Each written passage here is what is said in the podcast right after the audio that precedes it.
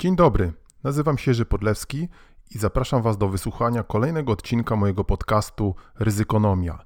Więcej ryzykonomii, informacji o moich e-bookach, usługach doradczych i szkoleniowych znajdziecie na stronie www.ryzykonomia.pl.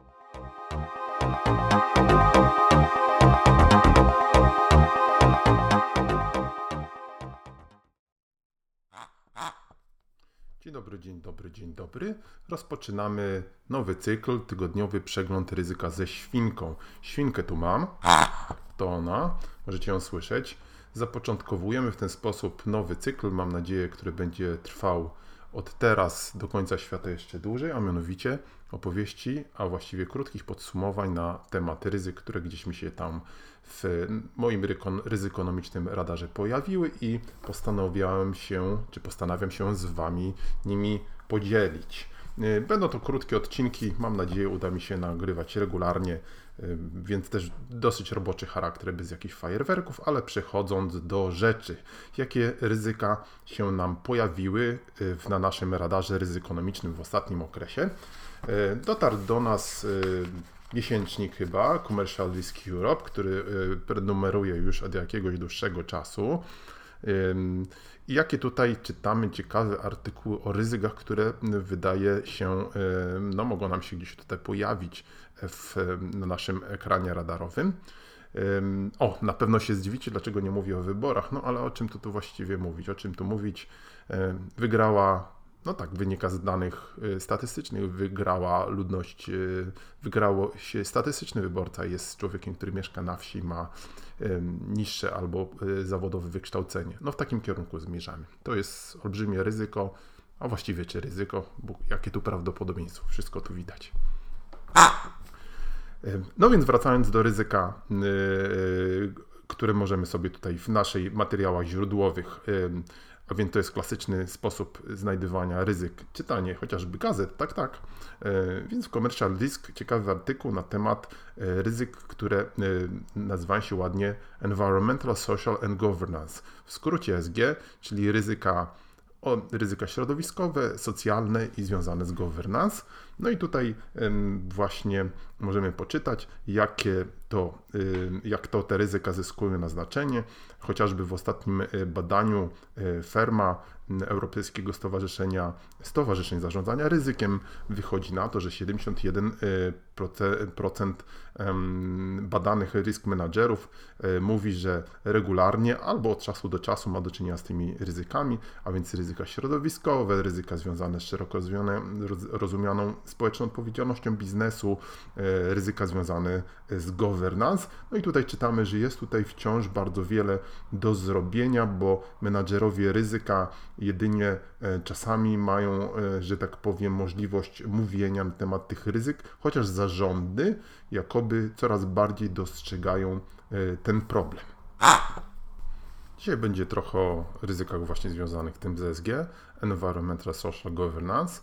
Zapamiętajcie ten skrót. Myślę, że on będzie zyskiwał na znaczeniu co najmniej w krajach cywilizowanych. No pewnie w mniej cywilizowanych nie będzie tak zyskiwał na znaczeniu. No więc y, słuchaliśmy ostatnio w radiu ciekawego wywiadu z y, Stefano Liberti, o ile dobrze za, zapamiętałem, autorem książki Władcy Jedzenia, y, który, y, która ukazała się podobno właśnie w Polsce. I w tej książce on prześledził, można powiedzieć, ścieżkę, taki supply chain kilku dosyć klasycznych produktów, pomidory, soja, mięsa. No i okazuje się, że na przykład, co ciekawe, pomidory sprzedawane we Włoszech potrafią pochodzić z granicy chińsko-mongolskiej.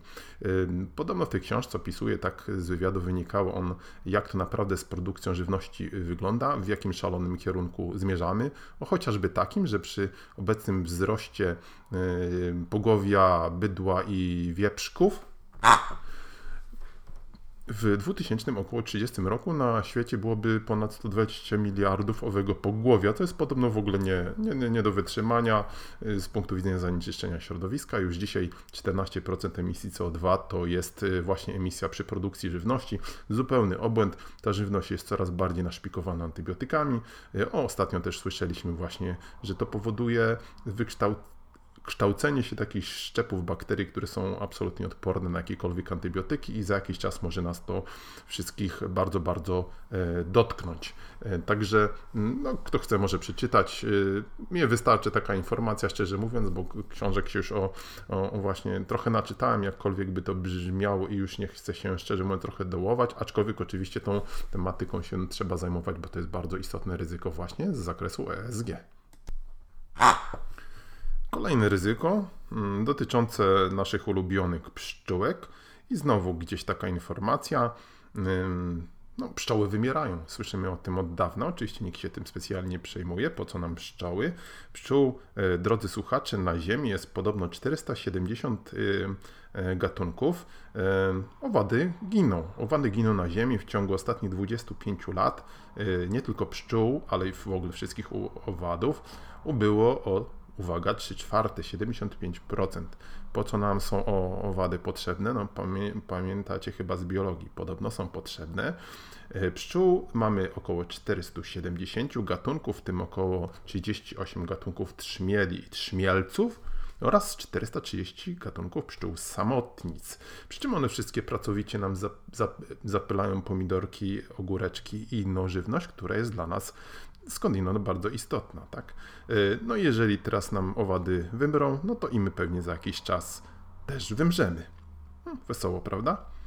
Jak sobie radzić z tym ryzykiem? Ograniczyć koszenie trawników chociażby, tak? Uwaga na jeże, tam są też jeże. Y, sadzenie roślin pyłkodajnych, i chociażby powrócenie do e, sadzenia takich pięknych drzew jak kasztanowiec zwyczajny, bardzo ładne, bardzo ładne drzewo moje ulubione. No i oczywiście ograniczenie stosowania tej wszechobecnej chemii. Można zarządzać ryzykiem? Można.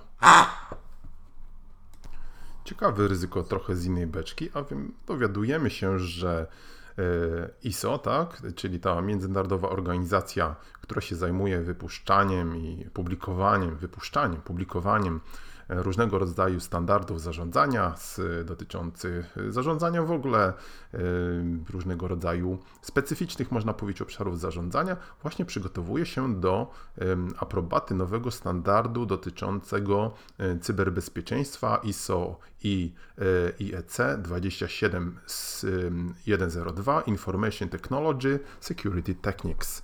E, Information Security. To ma być e, najwyraźniej nowy standard, który ma porządkować e, kwestie cyberbezpieczeństwa.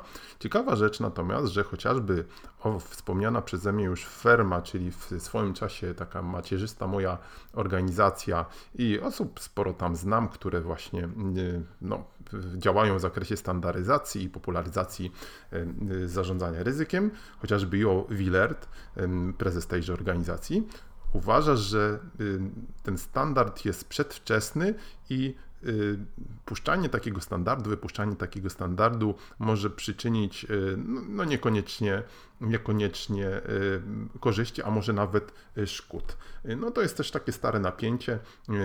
ISO oczywiście, można powiedzieć, czuje tu biznes w nowych standardach. My jako ryzykonomia nie jesteśmy wcale takim zwolennikiem wypuszczania nowych standardów, a raczej jeżeli jako standardy, to żeby one miały formę raczej doradczą, tak jak standard ISO 31000. Najwyraźniej szykuje nam się kolejna standaryzacja i kolejny audit, audit, tak, czy audit, nie audyt, nie, myli, nie mylcie audytu y, z auditem, tak? Też ciekawa taka konstrukcja nasza lokalna, y, więc pewnie ten y, standard niedługo się ukaże i będziemy słyszeli ochy od achy nad wystandaryzowaniem kolejnego ryzyka, a ryzyko jak zwykle swoje. Wkrótce nowe odcinki kolejnego przeglądu ryzyka ze świnką. Słuchajcie nas, polecajcie, zapraszamy na stronę www.ryzykonomia.pl i do słuchania pozostałych odcinków naszego podcastu. Bye, bye, bye, bye.